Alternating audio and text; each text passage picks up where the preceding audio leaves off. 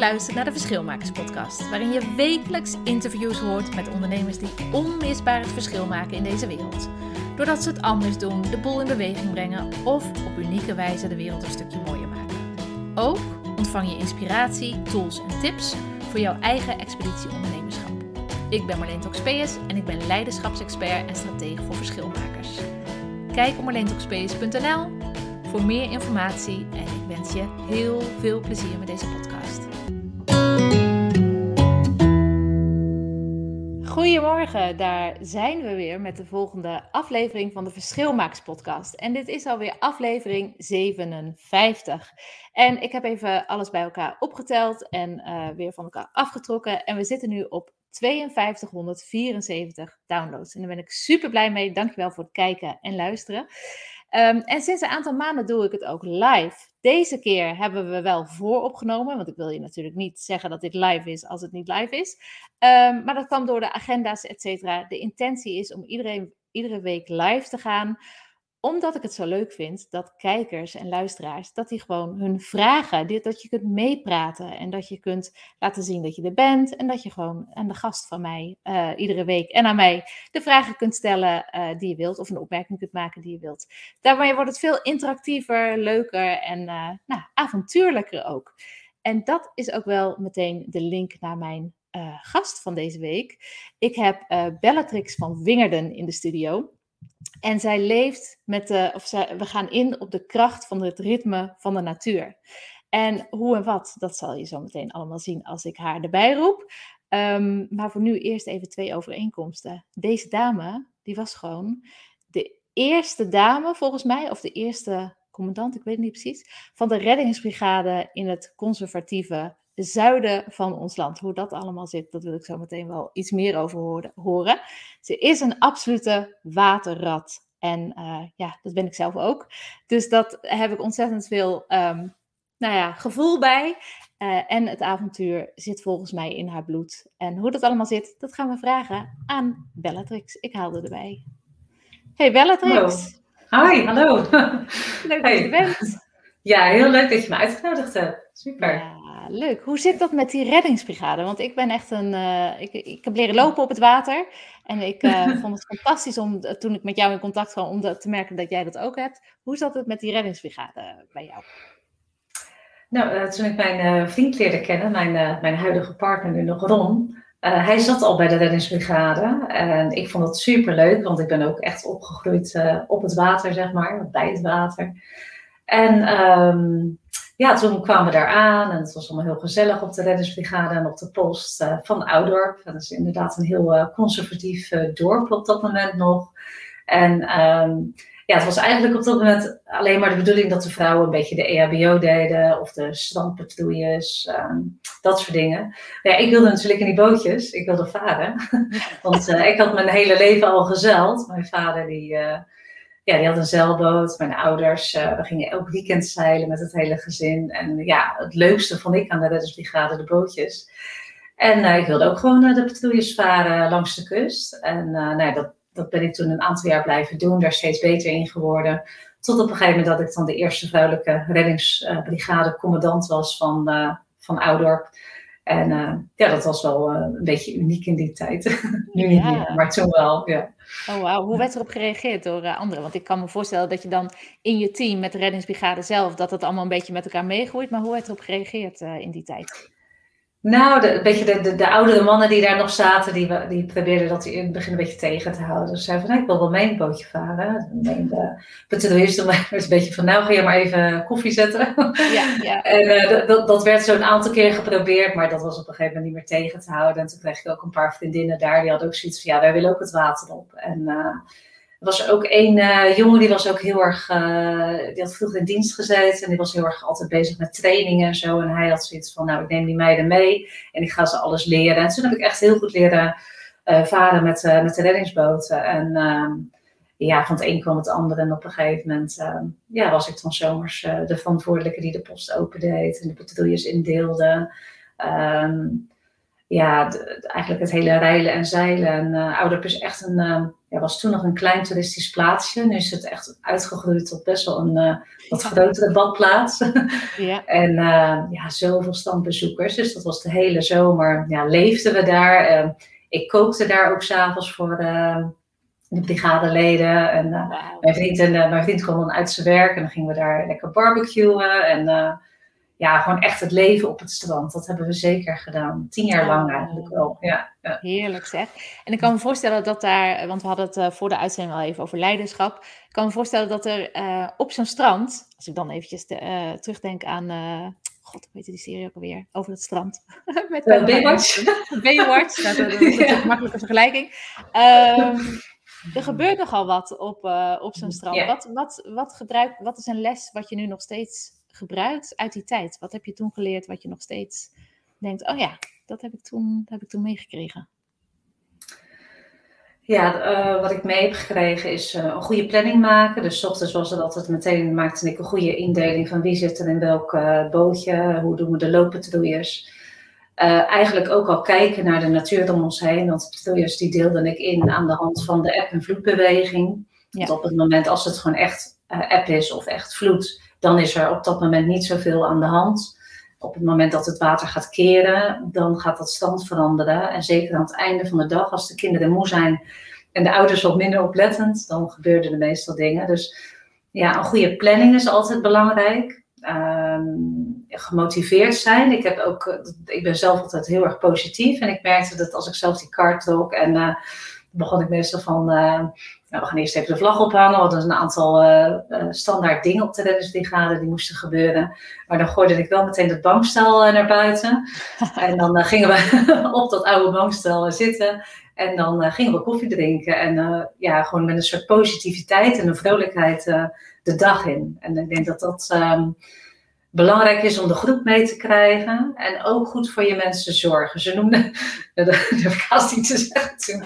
Ze, ze noemden mij toen ook wel als mama Bella. Nou, ik had toen echt nog geen uh, kinderwens.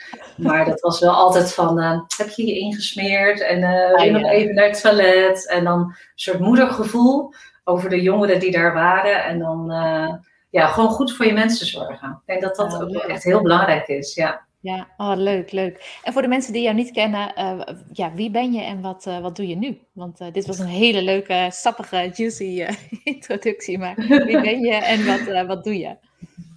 Nou, ik ben Bellatrix van Wingerden. Ik woon in Oudorp. Dat is het laatste eiland van Zuid-Holland. Goede Overflakkee. Het is een heel landelijk gebied, een klein dorp.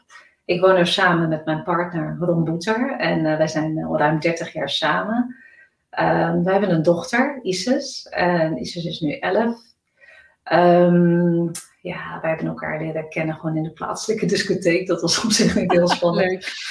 Ik kom uit een gezin uh, met een broer en een zus. Uh, ik ben de jongste, uh, Teun en Dita. Mijn, ehm, mijn ouders, die, um, ja, mijn vader heb ik onlangs verloren, die is er niet meer. Maar mijn moeder gelukkig nog wel.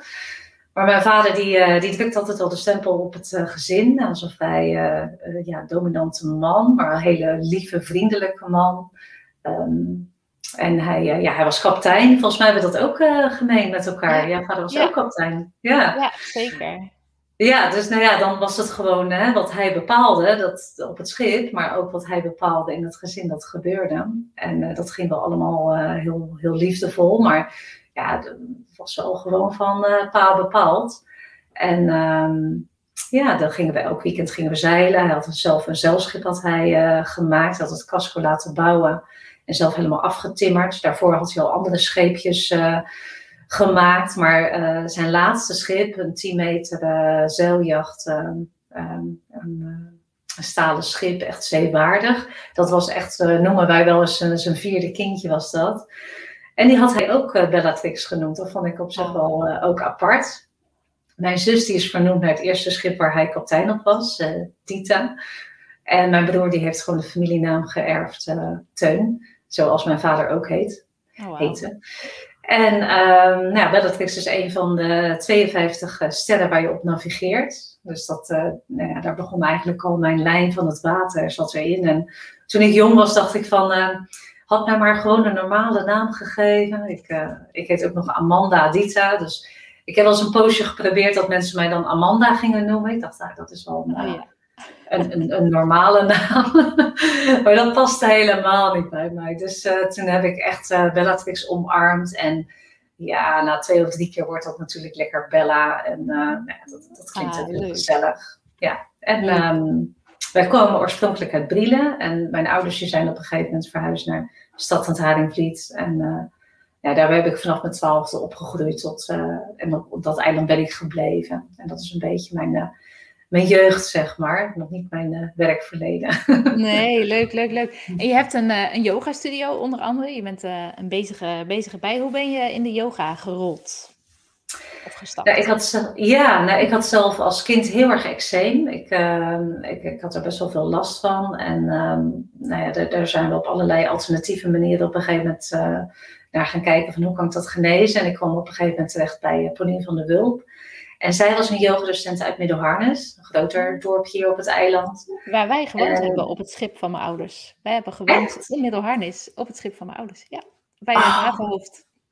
Echt wat toevallig. Dus ik niet. Even inhaken, sorry. Ja, nee, wat leuk. en Pauline uh, ja, was eigenlijk een beetje mijn, uh, mijn voorbeeld. Zij, uh, zij werkte met dagremedies, vrij alternatieve manieren allemaal. En zij zei op een gegeven moment tegen mij: Het zou heel goed voor jou zijn om op yoga te gaan. En eigenlijk als 19-jarige ging ik dus op yoga. Eh, zij heeft mij van mijn eczeem afgeholpen met ja, alternatieve geneeswijzen. En uh, dankzij haar ben ik op yoga gegaan. En uh, ik lag daar dus uh, op yoga in een zo'n zaaltje achteraf was dat toen nog. Ergens zaaltje. Een ja, een stoffig zaaltje met gewoon bruine vloerbedekking. En iedereen kwam met zijn slaapzak onder zijn arm en zijn joggingbroek aan. Er waren nog helemaal geen fancy yoga leggings of ehm, mooie bidons met water. Nee, ik kwam gewoon in zijn oude kloffie. in, de, in dat ja, een soort omgebouwde schuur achter in de tuin. En dat vond ik eigenlijk echt het. Ik, ik bleek dat gewoon super leuk te vinden. Ik, ik, kwam daar zo mee, een sterke verbinding mee naar binnen. En ik, ik haalde daar zoveel uit dat ik dat heel trouw deed. Ehm, en het zorgen en het, een beetje iets met een goed gevoel, dat, dat heeft altijd wel in mij gezeten. En op een gegeven moment ging ik mijn werktijd in na mijn school. En wilde ik heel graag iets goeds doen voor uh, ja, de wereld. En kwam ik terecht op een milieuadviesbureau. Waarbij ik echt hoopte naar iets aan het afvalprobleem te doen. Uiteindelijk uh, bleek ik daar alleen maar afval in te kopen en afval te verkopen. Dus het was meer gewoon een administratieve baan. En het triggerde eigenlijk mij op het moment dat uh, mijn werkgever aan me vroeg: van, Nou, we zijn zo tevreden over jou. Uh, wat zou jij eigenlijk nog meer willen betekenen voor dit bedrijf? En hij dacht natuurlijk in de richting van boekhouder of, nou ja, iets, iets meer administratiefs of iets met de klanten. Dat, nou ja. En toen ging ik echt nadenken. Dat was voor mij wel het moment dat ik dacht van, maar wat wil ik nu eigenlijk echt? En toen dacht ik, ja, wat ik eigenlijk echt heel erg leuk vind, wat ik heel veel uithaal als ik dan toch iets wil leren, uh, dat is dat ene uurtje yoga per week. Dus toen ben ik naar hem teruggegaan en toen zei ik van, nou, ik, uh, ik uh, wil graag de opleiding yogadocenten doen. Hij zei, dat vind ik heel erg leuk. komen. maar dat ga ik niet vergoeden. Nee. En dat, dat, tuurlijk, dat was ook zo. En um, ja, toen ben ik daar eigenlijk blijven werken. Uh, en en ik, ik ben zaterdags die opleiding gaan doen. En ik, ik heb geloof ik echt één week voordat die opleiding startte uh, opgegeven. Ik zat daar eigenlijk met allemaal vrouwen van rond de 40, 50 die al uit de kinderen waren. Die zoiets hadden van nu ga ik iets voor mezelf doen. Ja. Ik was echt een beetje puppy in de groep. En uh, ja, ik vond het fantastisch. Ik voelde meteen van ja, dit ben ik, dit wil ik. En ehm, toen ben ik, heb ik zeg maar mijn fulltime functie eh, omgeschakeld op een gegeven moment naar parttime. Toen ben ik op een makelaarskantoor gaan werken. En toen dacht ik in het begin, dat is een hele mooie combinatie. Dan werk ik drie dagen een soort van in het echte leven. Dan kan ik gewoon zeggen, ik heb een kantoorbaan. Ik, uh, ja, we verdienen geld. We hadden het ook nodig. Dat was het begin van ons samen zijn. We moesten ook gewoon de hypotheek betalen. En uh, een vaste baan hoort daarbij. En ja, dat ging steeds meer tegen mijn borst staan. En die, die, die werkgever daar, die die was ook heel tevreden. Die wilde eigenlijk dat ik steeds meer ging werken. En zij hoopte eigenlijk dat ik assistent makelaar zou worden. En zij bleef maar aan me trekken. En ik, en ik moest maar aangeven: nee, ik heb heel bewust gekozen voor een driedaagse ja, functie, omdat ik daarnaast mijn groepen wilde opstarten. Ja. En uh, toen ben ik eigenlijk overal op het eiland lessen gaan volgen bij andere docenten. Met een mededeling van nou, ik doe de opleiding en ik wil graag zoveel mogelijk ervaring opdoen. En twee van die docenten die stopten. die ene had haar been gebroken, de andere was er klaar mee na twaalf jaar. En ik kon die groepen overnemen. Dus ik werkte part-time bij het makelaarskantoor en ik kreeg ineens zes groepen. En toen, uh, ja, toen dacht ik van ja, dit is gewoon mijn pad. En toen heeft ze echt ook een aantal keer geprobeerd van wil je assistent makelaar worden. En, uh, en ja, dat was ook een vrij, uh, nou ja, ehm, pittige tante zeg maar. en ja, een test uit het universum of je het wel echt wilde. Ja, of ik het wel echt wilde. Van ben je wel echt gedreven? Nou, ik wilde dat echt heel graag. En op een gegeven moment heb ik daar mijn ontslag uh, ingediend. Want zij bleef meer en meer vragen. Ze zei ook soms van, uh, ja, maar dan kan je toch langer blijven? Of zeg je die groepen toch af? En toen voelde ik heel sterk, nee, mijn pad ligt in de yoga. En toen heb ik mijn baan opgezegd. En het is eigenlijk wel een hele goede harmonie gegaan. Ik ben daar nog vier maanden langer gebleven om een fusie die zij toen gepland had, zeg maar, uh, mee te maken. En toen kwamen er toch zoveel veranderingen binnen dat bedrijf dat dat prima was. Ja. En omdat ik bij het makelaarskantoor werkte, wist ik ook als eerste wat er op de huismarkt uh, te ah, koop stond. Dus je had een mooi pandje, mooi pandje ja, en, ja, en toen, uh, wij woonden toen samen in Goedreden en toen zagen wij een pand in Oudorp met een hele grote schuur. Ah. En uh, ja, die hele grote schuur, dat zag ik natuurlijk wel als mijn toekomstige yoga studio. En ja, dat was, dat was uh, ja, toen wij hier aankwamen, toen hebben we dat huis gekocht. Dat was een huis uit 1773. Dat huis was echt meer een bouwval, maar ja, een vrijstand huis in Ouderp is vrij uh, kostbaar. Dus wij, uh, we konden het bouwval betalen, laat ik zo zeggen. Dus we hebben echt een paar jaar overleefd in dat, in dat huis en uh, als eerste de yogastudio gebouwd. wij wilden eigenlijk de schuur verbouwen, maar na een paar ja, dingen die we gingen doen, bleek dat gewoon ja, echt, dat, dat pand dat stortte haast in elkaar. En mijn vriend is super technisch en ja, heeft een heel goed bouwkundig inzicht. En hij zei, nou dat wordt nooit wat, we moeten plat gooien. En in plaats van verbouwing werd dat nieuwbouw. En ik had al mijn huurlocaties uh, waar ik mijn groepen had al opgezegd. En toen hebben we, ja, binnen een half jaar hebben we een uh, yoga studio in onze achtertuin neergezet. En uh, ons in de schulden gestoken op dat moment. Maar ik wist gewoon, ja, ik, ik had een soort innerlijke drive. Het, het komt goed. En, en de verf was nog niet opgedroogd of de eerste groepen kwamen. Uh, binnen die zes groepen had ik al. En dat werden er zeven, acht, negen. Nou ja. Oh, wow. En zo ging dat verhaal verder. Oh, wow. En hoe, lang, hoe lang is dat nu geleden dat, uh, dat je daar stond? Uh, dat was in 2000. 2000 was de opening. En daarvoor huurde ik dan al kleine zaaltjes. Ja. waar ik die paar groepen in les gaf. Ja. Fantastisch, fantastisch. En wat, um, ja, want je doet, je doet meer. Volgens mij ben je ook een boek aan het schrijven, of niet? Ja, ik vind het, ja, we hadden elkaar al eventjes aan de telefoon. En ik vind het heel erg leuk om een soort van te blijven spelen. Dus dingen echt een beetje anders te doen. En uh, zo was ik ook de eerste in Nederland met sub-yoga, yoga op, uh, op het water. Dat sprak mij natuurlijk aan. Ja, dat vond ik super leuk om te doen. En dat, dat heeft daarna een vlucht genomen. In Amerika werd dat al gedaan, noemden ze dat floating yoga. Uh, maar toen ik de eerste sub zag, dacht ik van nou, volgens mij kan je hier ook houding op doen. En ben ik dat gestart. En uh, secret yoga, dus dan neem ik mensen mee naar een bepaalde plek, wat hun nog niet weten. Ze geven zich gewoon ja, op voor de les. En dan gaan we met een zeilbootje naar een eilandje op de Grevelingen. Dat soort dingen vind ik heel leuk. En full moon yoga, uh, sunset yoga. Ook yoga retreats. Nou, daar kan ik dadelijk nog wel wat over vertellen. Maar dat boek, dat, dat is mijn laatste project. En um, nou, ik heb zoveel jaar les gegeven. En op een gegeven moment heb ik mezelf gespecialiseerd in yoga voor surfers. Omdat ik zelf na mijn reddingsbrigade tijd wilde ik op het water blijven. En uh, mijn vriend was al een, uh, ja, echt een goede windsurfer. En toen ben ik dat ook gaan leren. Oh, en ik ben nooit zo goed geworden als hij hoor. maar hij, uh, maar ik, ik kan me wel echt ja, heel goed redden op het water. En ik ik ben echt wel een, uh, een, een, windsurfer die hier heel graag met uh, windkracht 7 aan 8 uh, op de Noordzee is. En we hebben ook verschillende reizen gedaan naar Kaapstad en Mauritius om Leuk. daar te windsurfen en golfsurfen. En ik heb die twee passies samengebracht in de Yoga voor Surfers groep. Ja, en, en daar dus nu een boek over geschreven. Het boek is klaar. Specifiek over yoga voor surfers? Ja, ja, ik heb eigenlijk, omdat ik zelf dan surf en heel veel van onze vrienden surfen. weet ik eigenlijk precies van waar heb je spierpijn. Dus er zitten series in. Het is eigenlijk een werkboek. Er zijn ongeveer twintig uh, series die je, uh, die je zelf thuis kunt doen. Aan de hand van foto's met bullet points ernaast. Ah, en um, nou, neem bijvoorbeeld golfsurfen. Met golfsurfen lig je altijd met een holle onderrug en je krijgt vrij snel last van je nek. Ja, precies. Je moet constant je armen over het water heen tillen. Dus hoe krijg je nou die bewegingsvrijheid in je schouder? Hoe krijg je nou de soepelheid en het weer losmaken in de nek? En hoe kan die ja, te gespierde onderrug eigenlijk lengte krijgen? En ik weet eigenlijk precies de houdingen uit te kiezen vanuit de yoga.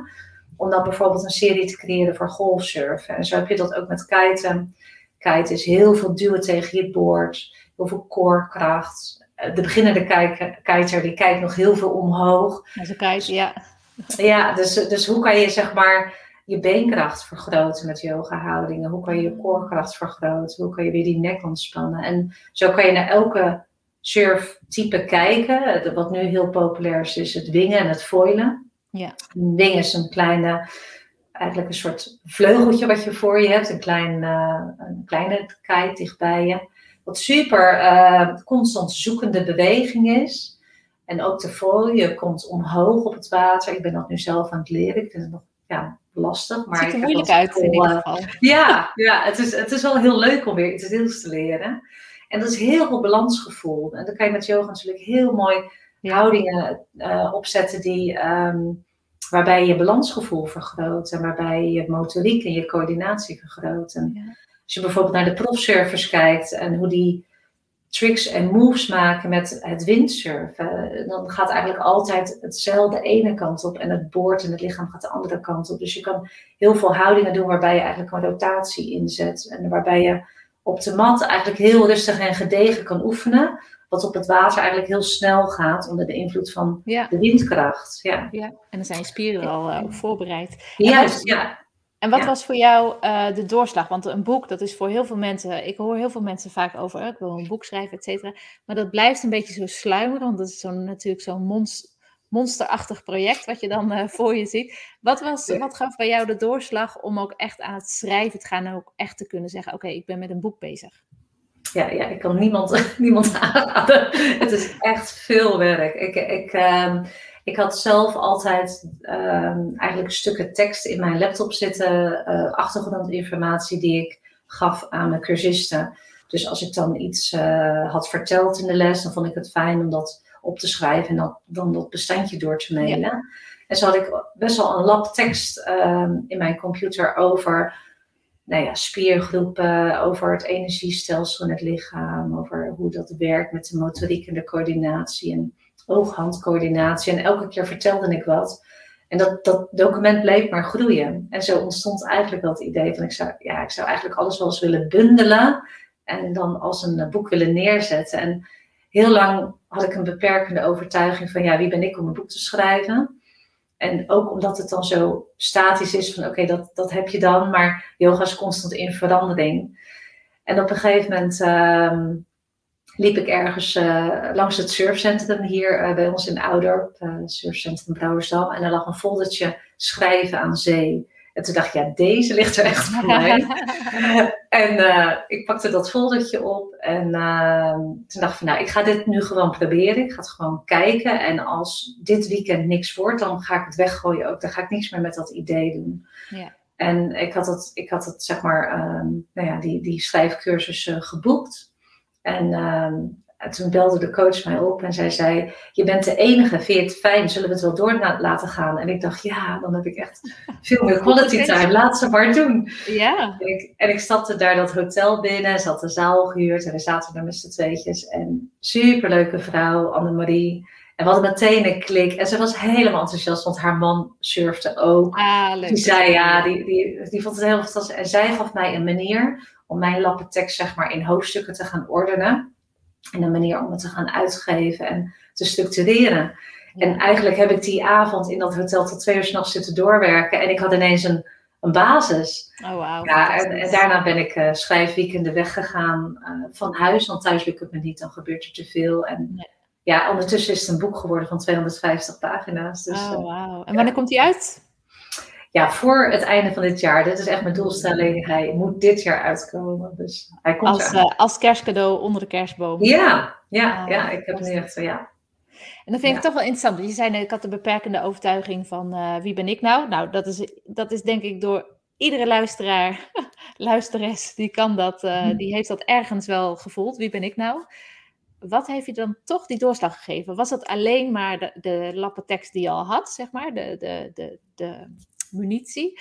Of was het nog iets anders? Was het iets wat zich voordeed? Wat, wat heeft je net over die drempel heen geholpen? Want ik denk dat veel vrouwen daar tegenaan hikken. Nou, ook wel motivatie van, uh, van mijn cursisten, die dan altijd heel enthousiast zijn en zeggen: Jeetje, wat heb je toch veel kennis? Ik heb ondertussen ja, 15 opleidingen gedaan. Ik ben me altijd door blijven ontwikkelen. Dus als er dan wel eens nieuwe mensen op les komen, dan, uh, dan zijn ze heel enthousiast over het, de kennis die ik heb. Dus dat, dat motiveert mij ook. Ja. En op een gegeven moment heb ik ook gedacht van het creëren op zich, dat, dan is het al gelukt. Dus ik, ik, ik heb eigenlijk de lading voor mezelf weggehaald van het moet een bestseller worden. Of, ik, of ik wil daar, nou ja, hoe hoog die lat dan ook moet liggen. Ik wilde het gewoon echt neerzetten van nou, dit ben ik en dit is wat ik weet. Ik weet nog veel meer, maar nou, dit is een mooi pakketje waar je zelf mee aan de gang kan. En ik gun het ook iedere surfer. Ik, ik, ik, ik ben er echt van overtuigd dat je yoga kan inzetten om je lichaam te verbeteren met dat wat jij wil. Je zou het ook kunnen inzetten voor hardlopen of voor tennissen of noem maar. Ja. Maar ik heb het natuurlijk specifiek voor het water ingezet, omdat dat mijn ding is. Ja, ja en dat is een prachtige niche. Ik denk dat er ook heel veel vraag naar is, want je, je blesseert je ook. Tenminste, ik heb een paar keer uh, golfsurf uh, weken gedaan. Mijn man is Portugees, is ook een surfer, dus ik doe, het, ik doe het nog wel eens, maar niet zoveel meer. Uh, maar als je dan weer begint, de, al die pijnen, en als je dat alleen al voor kunt zijn, dan raak je minst snel geblesseerd en blijft het ook veel leuker van natuurlijk. Ja, want je kan, je kan echt, uh, als je door yoga lengte gaat geven in je spieren, dan zijn je spieren ook echt veel minder blessuregevoelig. En als je op de yogamat eigenlijk in yoga houdingen je lichaam voor gaat bereiden op wat je op het water gaat doen, je gaat soepeler het water af, maar je kan ook je spierpijnen weer meer verhelpen. Dus echt, het is niet iets van, nou, daar moet je in geloven. Nee, het is echt een feit. Ja, zeker. Ja, ja prachtig. Ja. En um, ja, waar, waar zit nu, want je bent met het boek bezig en dat komt natuurlijk uit. Waar, waar zit nu jouw grootste verlangen? Want wat ik zo leuk vind aan jou, wat je, wat je zegt, ik ben altijd door blijven leren. Uh, je hebt echt duidelijk ook uh, stappen genomen in je leven, dat je echt je eigen pad gecreëerd hebt. Dus dat is fantastisch. Waar ligt nu je verlangen? Waar, waar, waar, uh, gaat het naartoe? Waar, waar gaat het naartoe? Ja, de eerste stap is natuurlijk echt hè, de Yoga for Service website de lucht in krijgen met het bijbehorende boek. En daarbij heb ik ook een, um, een Yoga for Service Pro package ben ik aan het ontwikkelen. En dat is dan iets wat mensen ook kunnen downloaden via de website. En dat is eigenlijk, kijk, het boek is echt 250 pagina's met echt kennis. Ik denk echt dat je er heel veel aan hebt. Um, en dan daarnaast, zeg maar, gaat die, die online lessen, die gaan je ook helpen. Dus dat is ook wat ik, wat ik nu aan het creëren ben.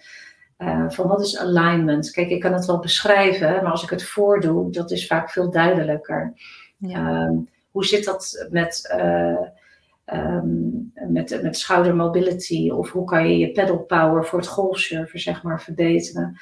Dus ik ga daar echt een soort masterclasses in geven die nog verder helpen. Ah, die content ben ik nu aan het maken.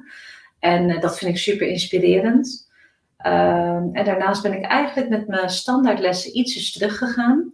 Uh, dat is, uh, ja, door, door de lockdown is dat gekomen. Ik had 15 groepen van 15 man in mijn yoga studio. En dat was dus elke week in, week uit, was het echt, oké, okay, maandag vier groepen, dinsdag drie groepen, woensdag drie. Dus dat ging achter elkaar door.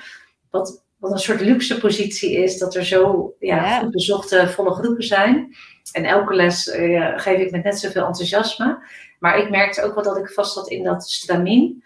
En wat ik nu heb gedaan is, ik heb één dag, ja, één dag maar, maar geskipt. En dat geeft een soort lucht en vrijheid. Ja. Waardoor ik open sta voor andere dingen. En wat ik net in het begin al zei, ik vind dat spelen, dat veranderen zo belangrijk. En nu merk ik dat ik bijvoorbeeld weer meer gevraagd word door bedrijven die ook goed voor hun mensen willen zorgen. Dus ik heb laatst bijvoorbeeld les gegeven, Zoomlessen aan bedrijven, maar ook op locaties van bedrijven, omdat mensen best wel, ja, werknemers hebben veel te lijden in de coronatijd. Ja. En dan hadden werkgevers bedacht van, nou laten we ze verwennen met een ontspanningsles of laten we ze oh, laten zien ja, hoe, hoeveel we ze waarderen. En ja, de, bijvoorbeeld de opening van leiderschapsdagen gedaan. En um, was, stond ik op het podium en uh, er zaten daar honderd uh, managers en uh, op de stoel in hun nette kleren met hun jasje aan. En dan, kom ik er dan in mijn yogalegging. En ik vind het natuurlijk super leuk om hun dan te motiveren van oké, kom een klein beetje uit je comfortzone en we gaan niet heel erg gek doen hier. Maar aan het einde van de les was een half uur eigenlijk om die dag anders te starten voor hun. Aan het einde van de les zag ik echt dat iedereen zoiets had van ja, ja, ik snap dit wel. Ik, ik, uh, ik, ik, ik vind het leuk. Ja, dacht, ja dat, is, dat is toch zo leuk als ik, ja, als ik, als ik mensen zo een klein beetje kan prikkelen voor de yoga. Dat vind ik heel erg leuk. Dus eigenlijk iets minder standaard dingen gedaan, waardoor ik meer speelruimte krijg voor andere dingen. Dat, dat is een beetje de toekomst. Naast mijn Yoga for Service project. Leuk. Dus meer ruimte creëren voor, uh, voor spelen, avontuur, kijken wat er op je pad komt. Fantastisch. Ja, ja. En als, je, uh, als dat dan je verlangen is, wat, waar, waar schuurt het dan nu nog op dat gebied? Lukt het altijd, die dag vrij? Of uh, sluipen er toch wel ook de, de, de dingetjes van de week doorheen, de to-do de to list? ja, ik heb natuurlijk, wij hebben zeg maar ja, een dochter, je woont samen. Dus we hebben best wel een, een huis wat onderhoud vraagt met een stuk perceel. En ik vuur ook nog een, eh, een appartement hiernaast. Uh, Ouderp is een toeristisch dorp. En we hebben een Airbnb-appartement in de ah. tuin wat ik uh, beheer. Dus ze zijn, ja, als je niet oplet, dan, uh, dan verzand je in dat soort dingen. Dus waar het schuurt is dat soms de planning die ik dan zet, dan te lang wordt. Dus dat ik dan echt weer even moet zeggen tegen mezelf: nee, dit ga ik vandaag doen. Dus mijn tijdlijn goed in de gaten houden.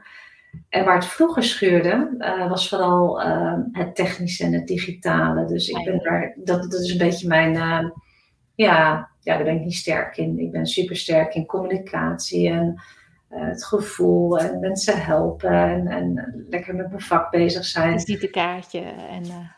Ja, en, en, en, ik vind, ja, ik vind, maar techniek, dat vind ik wel heel erg lastig. En dan moet je de dingen opnemen en editen. En dan moet het uh, gedeeld worden op Vimeo en YouTube. En nou ja, al die accounts. En dan praat het weer niet met elkaar. Dus ik heb uh, mezelf het makkelijk gemaakt. En ik, ik, ik heb iemand uh, daarvoor die een mediabedrijf heeft. En ja, ik dacht, elke keer ben ik mijn eigen rem. En daar kwam ik, daar kwam ik achter van, hé, hey, ik wil elke keer iets doen, maar ik doe het niet omdat ik daar niet goed in ben. En daar moet je gewoon tools voor inzetten. En uh, dat heb ik sinds een half jaar of een jaar geleden ook gewoon losgelaten. Van nou, dat stukje, als ik daar gewoon iemand voor heb, dan kan ik zelf veel sneller schakelen. En uh, dat doe ik nu ook. Dus dan, dan heb ik een opnamedag en, en hij edit. Hij zet even een mooi logootje ervoor. Hij zorgt dat dat op Vimeo uh, komt en podcast. En nou ja. En in je online academie. ja, het is, het is, uh, dus een, stukje, een stukje dat, uh, dat doe ik natuurlijk zelf. Ik, ik beheer mijn eigen Instagram en uh, Facebook-account en social media. Ik, ik vind dat wel belangrijk om dat persoonlijk te houden. Want ja, je kan wel een heel gelikt reclamebureau erop zetten. Maar ja, nee. dit is Bellatrix en dit is wat ze moeten zien. Dus ehm, dat hou ik wel bij mezelf, ja. ja. Maar het is wel goed dat je toch die keuze hebt, ge, of die stap hebt gezet om het te doen. Want ik hoor heel veel uh, vrouwelijke ondernemers. Techniekpaniek is altijd op de een of andere manier. Het zit altijd wel in één hoek. Met podcasten heb je het, met, uh, met video's, met online trainingen, online academies. Het wordt steeds lastiger dan.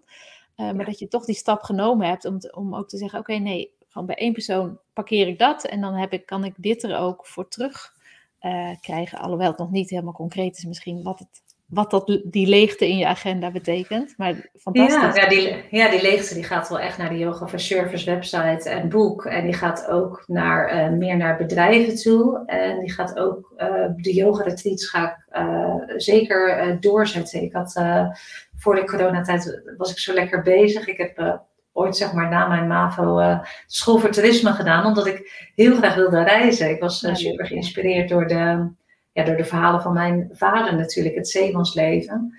En mijn vriend en ik, wij reizen allebei heel erg graag. En ik kon dat op een gegeven moment ook combineren. Ik, de eerste reis dat ik alleen was, ehm, was ik in Portugal. En er was daar een vriendin erbij. En wij zeiden samen van... Ehm, en dan bedoel ik alleen, hè, zonder gezin op pad, laat ik het zo zeggen. En ik was daar samen met een vriendin. En zeiden, hoe leuk zou het zijn als wij een, uh, een, een yoga-reis, een yoga- en surfreis neerzetten. Want we surfen allebei. En we, ja, en we doen, zij is ook yogadocenten. En toen is eigenlijk uh, de yoga-surfreis ontstaan. Eerst naar Portugal, daarna twee keer naar Bali.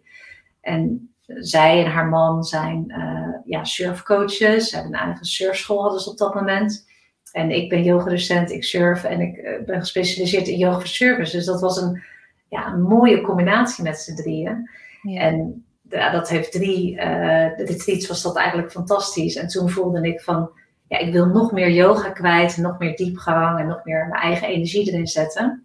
En toen ben ik uh, doorgegaan naar yogareizen. En ja, heb ik zes of zeven reizen neergezet naar Lanzarote, uh, eh, de, de Canarische eilanden. Ja. ja. En dat waren eigenlijk, ja, daar krijg je zoveel diepgang. Want je neemt mensen niet alleen mee in een yogalesje, maar gewoon een hele week mee.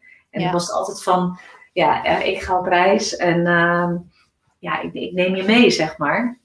En uh, ja, dat, ja, gewoon de gesprekken daar onderling. En, en ook het wijntje s'avonds na het eten, de gezelligheid. En uh, stiltewandelingen, yoga diep in een krater, yoga op een vulkaan. Oh, ik, ik, hou dan van avontuur en mensen, ja, uit die yogareizen zijn echt vriendschappen ontstaan. En ik, ja, die mensen die daar mee zijn gegaan, die, die zitten echt ook in mijn hart. Want die, ja, die, die maak je gewoon een week lang mee. En dan helpt die en dan helpt die en dan lacht die en dan gebeurt daar weer wat. En we maken ja. zoveel mee. Dus dat, die yoga reizen, dat, uh, ja, Leuk. dat gaat zeker weer verder. En bij al die dingen die je doet, want uh, je doet heel veel voor bedrijven, voor uh, retreats, boek. Wat is de rode draad? Wat verbindt alles? Wat is, wat is het verschil wat je iedereen, ieder, ieder, alles wat je creëert, zeg maar, of wat je aanraakt, wat wil je alles meegeven? Ik, ik blijf wel bij yoga. Dus soms heb je zo'n visitekaartje en dan staat erop van ik doe reiki en dat en dat en dat. En ik heb wel diverse opleidingen gedaan van NLP en van Reiki en, en allerlei. Maar ik, ik kom altijd weer terug bij yoga. Dus ik, ik ga niet weg van, van de yogalijn. Daar blijf ik echt wel bij. Dus alles is wel spelen naar links en rechts. Uh, Wat ik dan voel van hé. Hey, uh, ik heb bijvoorbeeld ook Wim Hof training hier in de yogaruimte gedaan. En dan had ik een Wim Hof trainer uitgenodigd. En uh, dat combineerden, combineerden we dan wel met yoga. En zelf ja vind ik het ook altijd. Ik ben ook een, eh, een ijszwemmer, om het zo maar te zeggen. En uh, dus ik, ik, ik blijf wel, uh, zo'n ouderwetse uitspraak van schoenmaker, blijf bij je lees. Ja, ik, ik blijf wel bij yoga. Ja. En alle opleidingen die ik doe en alle, alles wat ik creëer, dat, is het. En dan word je daar ook steeds beter in. En het, het, is niet een heel breed pakket. Alleen het is nee, nee, nee. nee. De yoga, de verspringing. Ja, ja, ja, zeker. En dat is ook krachtig natuurlijk, want dat is, jij bent dus yoga. Dus dat is ook, uh, dat is ook heel duidelijk en helder voor, je, nou, voor iedereen die in aanraking met je komt. Maar wat hoop jij iedereen die of jouw zaal uitgaat, of jouw boek leest, of jouw uh, training zometeen, wat hoop je iedereen mee te geven? Wat hoop je dat het resultaat is? Die meneer bedoel je? Ja, dat die meneer bedoel um, Nou, wat ik, wat ik, mijn eerste doel is altijd het creëren van lichaamsbewustzijn. Dus um, als we ons niet goed voelen, dan moeten we naar de huisarts gaan. En dan moet de huisarts ons vertellen van, nee, nee je hebt dit of dat. Ja. Maar um, wat ik hoop en wat, ik, wat altijd mijn insteek is, is dat, dat mensen een, een meer connectie en meer verbinding met zichzelf krijgen. En zonder daar zweverig over te doen. Het, we zijn soms zo ver weg van onszelf. Alleen al als je heel de dag achter je laptop zit, of als je gewoon een hele volle agenda hebt waar, waarin je alles sociaal en werk moet doen. Ja. Dus wat ik wil is echt die sterke verbinding naar binnen. Dat je in contact bent. Dat je gewoon voelt wanneer je moe bent. Of dat je gewoon voelt wanneer je verdrietig bent. Dat je in contact bent met je emoties. In contact bent met je vermoeidheid. Of juist met je energie. Of wat je passie is. Ik, ik heb dan ook bijvoorbeeld hier nu op de deur geschreven. Waar krijg je energie van? Nou, dat vind ik dan leuk om mensen zo te prikkelen. Ja. Ik van mensen kunnen soms geen eens aangeven wat hun passie is. Ja, hoe, hoe, in hoeverre ben je dan verbonden met jezelf? Ja. Dus wat mijn wat mijn rode draad is, dat ik, dat ik ze echt naar binnen wil brengen en in contact met zichzelf en hun lichaamsbewustzijn wil vergroten. Ah, fantastisch. Ja. dat is ook heel mooi. Mooie, mooie rode draad, mooie missie. Ehm, als jij, want we hadden het net eventjes over de, uh, de kracht van het, van, de, van het ritme van de natuur. Welke rol speelt die daarbij voor jou? Um, ja, dat ik heel graag buiten ben. Ik, uh, ik ben echt niet iemand die uh, uh, ja, ik heb kantoorwerk gedaan. Nou, daar, dat, dat was dus niet mijn ding. Nee, nee. uh, en uh, toen ik eenmaal ehm, zeg maar de studio begon, heb ik eigenlijk ook meteen zomers de groepen mee naar buiten genomen. Dus ik begon hier in Ouder pas eerst met beach yoga. Nou, de stand en het eigenaar waar ik toen was, die had echt zoiets van, wat, wat zijn jullie nou te doen? Wat... en dan kwamen daarna koffie drinken op het terras. Nou, hij had echt zoiets van, nou, en, en, en mensen voelden zich in het begin ook nog een beetje bekeken. En uh, uh, ja, ik, ik, ik heb eigenlijk meteen zoiets van gehad van oké, het is zo lekker om buiten yoga te doen. Uh, ik ga beach yoga groepen starten. Nou is het klimaat in Nederland niet dat dat het hele jaar rond kan. Maar ik heb dat eigenlijk al 15 jaar lang, uh, doe ik dat, ja, heel juli en augustus geef ik buitenlessen. En ja, dat, dat zijn echt de mooiste lessen, dat het zonnetje op je schijnt. Of dat je misschien wel in die harde wind staat. Of dat net wel die regenbui voorbij komt, maar dat je in contact bent met de natuur. Dat geeft een extra dimensie. En het vlucht voor de eh, elementen naar binnen. Nee, het is allemaal natuurlijk overal 20 graden hè, in je auto, in je kantoor, in huis. En als je lekker buiten bent geweest en, en de les was misschien heerlijk warm door de zon, of misschien net een beetje te koud, als je dan daarna de standtent ingaat en je gaat lekker een kopje koffie drinken, voel je je echt heel voldaan. Dus dat buitenelement, dat, dat bepaalt voor mij ook wel het contact met de natuur.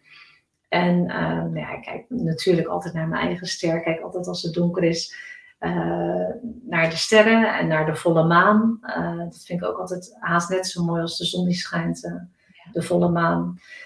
En, en ook in contact zijn met je eigen natuur. Dat ik al jaren geleden, ik ben, ik ben nu 25 jaar vegetariër, maar dat je dat je voelt van jezelf van waar heb ik trek in? Wat, wat, heeft mijn lichaam nodig nu? Dus niet zozeer wat ligt er in de aanbieding bij de supermarkt of wat eet mijn buurvrouw.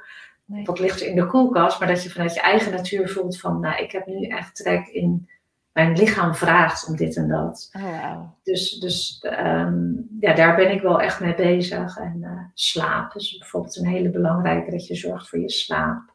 Wim Hof training, dus dat je je lichaam traint aan wat meer extreme dingen, zodat je je echt levendig voelt. En dat het, is haast een gymnastiek voor je aderstelsel, hè, dat je even super koud wordt en daarna opwarmt. Net als een sauna is dat de warmte, maar dan de kou. Uh, buiten hardlopen, windsurfen, golfsurfen. Um, ja, zo, zo, blijf ik in contact. We, we hadden een hond, uh, nu helaas niet meer, maar dat zorgde er ook voor dat ik elke dag natuurlijk buiten was. En wij hebben best wel een flinke achtertuin en ja, als het maar even kan, dan drink ik buiten aan de picknicktafel mijn koffie en niet binnen aan de keukentafel mijn koffie. Ja, heerlijk. En wat ik ook zo lekker vind uh, om veel in de natuur te zijn. Ik heb uh, heel veel gezeild en heel veel uh, buiten geweest, ook voor mijn werk.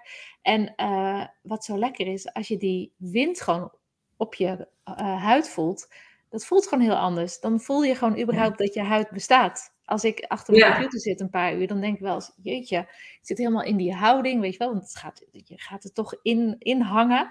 En dan denk ik, oh ja, ik heb ook nog een huid. Maar dat voel je helemaal niet. En als je naar buiten gaat en al die elementen waar je ook voor naar binnen kunt vluchten, maar die wel over je heen laat komen, dan, uh, dan ben je er weer helemaal ja, het geeft een heel levendig gevoel. Hè? Dat, dat, met zeilen ook, als je dan echt dat water spat op en die wind, uh, heel je haar in de klit. En, uh, Luid. Ja. dat water langs je romp en zo. En dat, dat heb je met windsurfen ook. Als ik, als ik ga windsurfen en dan sta je om te kleden naast de auto. En uh, ja, dat, dat doe ik. ik. Ik surf ook de hele winter door. En dat is in de winter wel iets minder dan in de zomer. In de winter kijk je wel een beetje meer van, oh, is het echt wel goed? In de zomer ga je gewoon altijd, want het is gewoon lekker. In de winter kijk je dan, is de richting echt wel goed? Of zijn de golven echt wel goed? Of misschien iets korter, maar dan sta je om te kleden. En dan, uh, ja, ja, dan, dan is het gewoon, naast die auto voel je die kou. Waardoor dat je dan eenmaal het water opgaat en je gaat weer in beweging, krijg je het warm. Ja, en dat, dat, dat maakt je ook levend. Dat is heel anders dan dat alles maar zo vlak is. Dat, dat vind ik gewoon een heel lekker gevoel. absoluut. Ik gun het iedereen. En vooral mensen die de hele dag uh, ook uh, een zittend of weet ik veel beroep hebben. Um, even, de, even de vragenronde. Wat, uh, waar ben jij op dit moment het meest dankbaar voor? Ja, misschien zegt elke moeder dat wel, maar ik, ik ben het meest dankbaar voor onze dochter Isis. We zeiden het van de week nog tegen elkaar, ze is nu elf. Ja, ja, ze is gewoon super leuk. Ik kan niks van doen. Ze doet het gewoon echt goed. En uh, zij, zij is dus, nou, we hebben geprobeerd haar ook natuurlijk met surfles en zeilles en wat water op te krijgen, maar dat is niks voor haar. En uh, zij is helemaal fan van paarden. En uh, zij gaat echt een paar keer per, dag, een paar keer per week naar de, naar de manege toe. Ze heeft nu sinds kort een verzorgpony. En ja, hoe ze daarbij leeft. En dan denk ik van, het maakt niet uit wat je doet als je maar passie hebt. Dus ik heb dat ook losgelaten na een paar uh, surfcursussen. en dan zei ik van, vond je het leuk? En dan zei ze, ja, de warme chocomel na de les vond ik heel leuk. dus ja, ik ben super dankbaar voor onze dochter. En super dankbaar dat we hier uh, zo fijn wonen. En altijd als ik het erf oploop, dan uh, ja, ben ik me bewust van hoe mooi de natuur hier is. En hoe stil het hier kan zijn, hoe rustig. Ik, ik vind het leuk om naar een stad te gaan, maar ik ben toch wel echt iemand van het dorp en platteland. En ja, als je hier zo even op je fiets stapt en je loopt over de dijk langs de Grevelingen. Ja, ik ben heel dankbaar voor de plek waar ik woon. Dat we het hier goed hebben. En ja, dat we het goed hebben met elkaar als gezin. En, en, en waar ik ook heel erg dankbaar voor ben, dat staat misschien nog wel op nummer één, is mijn gezondheid. Dat, uh, ja. Ja, ja. Daardoor kan alles zo mooi. En wat prachtig dat, uh, dat jullie dochter ook nu al haar eigen pad kiest door niet jullie te volgen, maar gewoon haar eigen stappen daarin zet. In ja, die is, die is eigenwijs geboren. Zeg maar. Fantastisch, heel goed, heel goed, zo hoort dat. Eigenwijs is ook wijs, ja. um, even kijken, wat, uh, oh ja, de, ik kan me voorstellen dat jij de hele dag over yoga praat, omdat je ook 15 yoga, yoga groepen uh, nou ja, bedient en uh, alles mm. eromheen doet waar praat jij het allerliefst over? Met je vriendinnen, met je uh, familie, met je geliefde, met de toiletjuffrouw, met de barvrouwen in de, in, de, in de strandtent. Waar praat jij het allerliefst over? Ja, ik, praat graag en makkelijk. Dus ik praat inderdaad soms een beetje te veel. Moet ik altijd mee opletten. Maar het, het, ja, ik moet wel zeggen dat het heel vaak yoga is. En dat heel veel van de vrienden zitten ook op yoga. Niet allemaal. Dus natuurlijk echt niet van, oh, dat, dat moet. Ehm, daarnaast inderdaad surfen. Het, het, gaat, ja, we kunnen echt een uur praten over welk zeil je hebt opgetuigd en of je beter dat andere zeil had kunnen kiezen. En uh, hoe dat nieuwe boord dan vaart en, en uh, nou ja, welke ving daaronder moet en noem alles maar op. Dus surfen en, en yoga staat inderdaad wel bovenaan. En daarnaast ja, ik heb echt een hele mooie vriendenclub. En de vriendinnen waar ik uh, mee omga, wij roddelen niet. Dus ik, ik vind het heel fijn om dan niet over anderen te praten. Dus het gaat echt over wat gaat over jou, wat speelt jou. Wat, ja. uh, als, ik vind het heel fijn om de echte diepte en de verbinding in te gaan. Dus ja, er wordt natuurlijk wel eens wat gezegd, maar onze gesprekken gaan vaak over wat, uh, wat er in jezelf leeft of waar je zelf mee bezig bent of hoe het met de ander gaat, maar weinig over anderen die, die, die daar niet bij zijn. Dat, dat, dat, dat vind ik nooit passend. En het gaat eigenlijk ook nooit over make-up en kleren en de nieuwste mode en zo. Nee, nee. dat ook niet. Nee, nee. Dus, uh, heerlijk, klinkt heerlijk. Geen, uh, geen verontreinigd karma bij jullie. Nou ja, je blijft mens, maar ja, tuurlijk, we, we, doen, we doen ons best. De intentie, de intentie, de intentie is goed. Is goed. Ja, ja, Even kijken, welke les krijg je nog regelmatig voorgeschoteld van het universum? Wat komt nog de laatste tijd uh, af en toe weer even op je pad? Hmm. Ja, jeetje. Ik uh, denk dat ik in een veranderingsfase zit, want Vroeger uh, was mijn les altijd onzekerheid. Ik, eh, uh, ik, kan wel zeggen dat ik vanaf mijn jeugd echt onzeker was. Ik denk dat het ook wel een beetje te maken heeft gehad met jarenlange eczeem hebben. Um, en sinds dat onze dochter geboren is en, en ook door al die jaren zelf ehm, ja, aan jezelf te werken, zelfreflectie en opleidingen, merk ik dat dat de laatste nou zeg maar tien jaar helemaal naar de achtergrond is. Er, komt nog wel eens een les van onzekerheid voorbij, van oh, daar heb je hem weer. Maar dat heeft iedereen wel. Ja, mijn les is nu denk ik uh, ehm, ja, waar loop ik nu tegenaan? Dan moet ik echt even goed nadenken. De techniek heb ik dus uit handen gegeven. Ja, dus dat is een soort van opgelost. Daar liep ik tegenaan, maar die heb ik aangepakt. En ja, tijd natuurlijk. Je keuzes maken in tijd. Want het, het blijft altijd kiezen. Je, je, kan niet alles. Dus ik heb uh, het gezin, dochter, tijd voor jezelf met sporten en, en, en voor jezelf zorgen. En tijd voor je bedrijf en tijd voor het surfen. Dus ja, daar vallen ook wel eens dingen bij af. Dat je denkt van ja, daar kan ik dus niet aan meedoen. Of dat, dat, dat lukt me dus niet. Um, nou, wij gaan aanstaande eh, zaterdag op vakantie met z'n drietjes naar Sicilië. Ja, en dan denk ik, het is gewoon belachelijk hoe je dan die twee, drie dagen ervoor loopt te stressen. En dan, ja, dan ik net zo goed dus. Dat ik denk van, maar waar gaat het over? We hoeven alleen maar in te pakken en... Uh, ja. ja. maar dan loopt net uh, de mailserver, uh, begaf het net. En uh, het appartementje wat we verhuren. Nou, daar ging net de kraan van kapot. Nee, oh, noem maar wat. En dan, ja. Dus tijd blijft altijd wel een dingetje, je tijdsbeheer. En hoe ik met mijn tijd omga en indeel. Ik denk dat dat wel altijd bewustzijn vraagt om ook in je rust te blijven. Ja, ja, wow. ja. mooi. Ik heb al heel veel gevraagd, maar ben ik iets vergeten te vragen aan je? Wat nog aandacht nodig heeft? Um, dat was zo mooi verteld over het creëren van je eigen pad en je passie. En... Nee, ik, ik was nieuwsgierig. Hebben, hebben, hebben wij eigenlijk nog meer linken dan... Uh, dan uh... Nou, we hebben er al heel veel, want mijn ouders hebben ook hun eigen schepen gebouwd. En uh, ik heb er al heel veel gezien. Ik zat ook behoorlijk onder de eczeem vroeger. Oh, we hebben, we hebben, we hebben, ik heb er meer voorbij horen komen. Grappig, ja. Ja. Dus, ja, ik merkte ook wel elkaar van de week aan de telefoon dat ik dacht, oh, we kunnen inderdaad gewoon uren praten. Dus het, ja. ik, ik, vind het heel leuk dat je me uitgenodigd hebt. En um, um, ja, ik vind het mooi om zeg maar um, ja, in contact te komen met sterke vrouwen. En eigenlijk jezelf altijd te omringen door mensen die positief in het leven staan en uh, het maximale eruit willen halen. En dan merk je dat je in die positieve spiraal zit. En uh, nou ja, daar ben, daar ben, jij er dus ook een van. Nou, dat vind ik leuk. vind ik dan weer een mooie om te horen. Waar ja. luisteraars en kijkers meer over jou te weten komen. En ook over als ze je willen volgen voor je boek. Want dat willen ze natuurlijk. Ze willen natuurlijk weten hoe jou, wanneer jouw boek uitkomt. Waar kunnen ze dan meer over jou vinden? Ja, het is uh, voorlopig nog Yoga Studio Oudorp. Ik, ik, ooit heette ik Yoga Praktijk De Eik. Tot op een gegeven moment, was zelfs nog voor internettijd. Hè? En toen kwam uh, internet op en toen dacht ik, ik wil gewoon gevonden worden. Dus ik wil gewoon yoga, Oudorp. Als je dat intikt, kom je bij mij uit. Dus heel praktisch, geen zweverige, lastige naam. Yoga Studio Oudorp, hup, dan kom je uit bij Yoga Oudorp. Uh, daarnaast heb ik nu ook een voordeel. Als je Bellatrix googelt, dan zijn er niet zo heel zijn veel. Er niet zoveel. Bellatrixen. Ja, en dadelijk wordt het uh, yogaforservice.nl. Dus er komt uh, yoga for service. En dan zoals je het Engels uh, spelt, dus F-O-R, yoga for service. En daar komt een website van, daar komt ook een Instagram van. En daar komt het boek van. En dat gaat allemaal dit jaar ja, gebeuren, zeg maar. Ah, ja.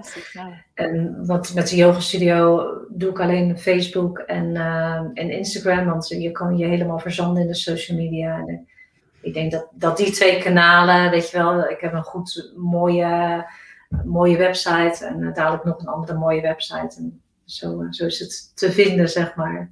je bent absoluut te vinden, absoluut. Heel veel succes met alle uh, voorbereidingen en alle ontwikkelingen rondom uh, je boek en alles wat daar omheen uh, hangt. Ja. Ik weet zeker dat wij elkaar nog, nog een keer gaan spreken. Dat, nou ja, dat weet ik zeker. En ik wens jou en de, en de kijkers en de luisteraars echt een fantastische week toe. En ehm, volgende week, maandag om half tien, heb ik weer een nieuwe gast. Dus mooie week allemaal. Super bedankt voor je uitnodiging. Heel graag. Ontzettend leuk om te doen.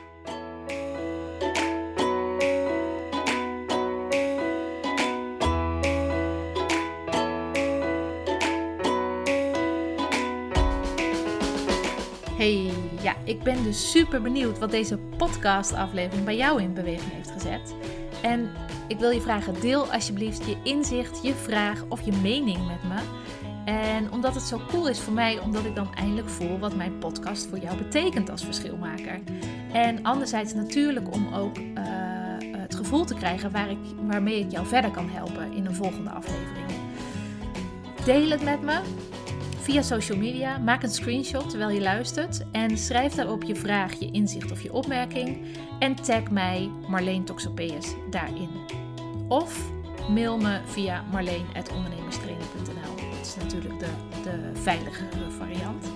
Ja, en wat mij en mijn missie echt enorm zou helpen is als jij een review achterlaat via Apple App of uh, SoundCloud. En op deze manier help je mij om nog meer ondernemers te inspireren om ook het verschil te maken in hun leven, met hun bedrijf en onderweg naar hun missie. Ik zou het fantastisch vinden als je die moeite voor me wilt nemen. En ik zie jou of ik hoor jou, jij hoort mij in de volgende. Tot de volgende keer. Hoi.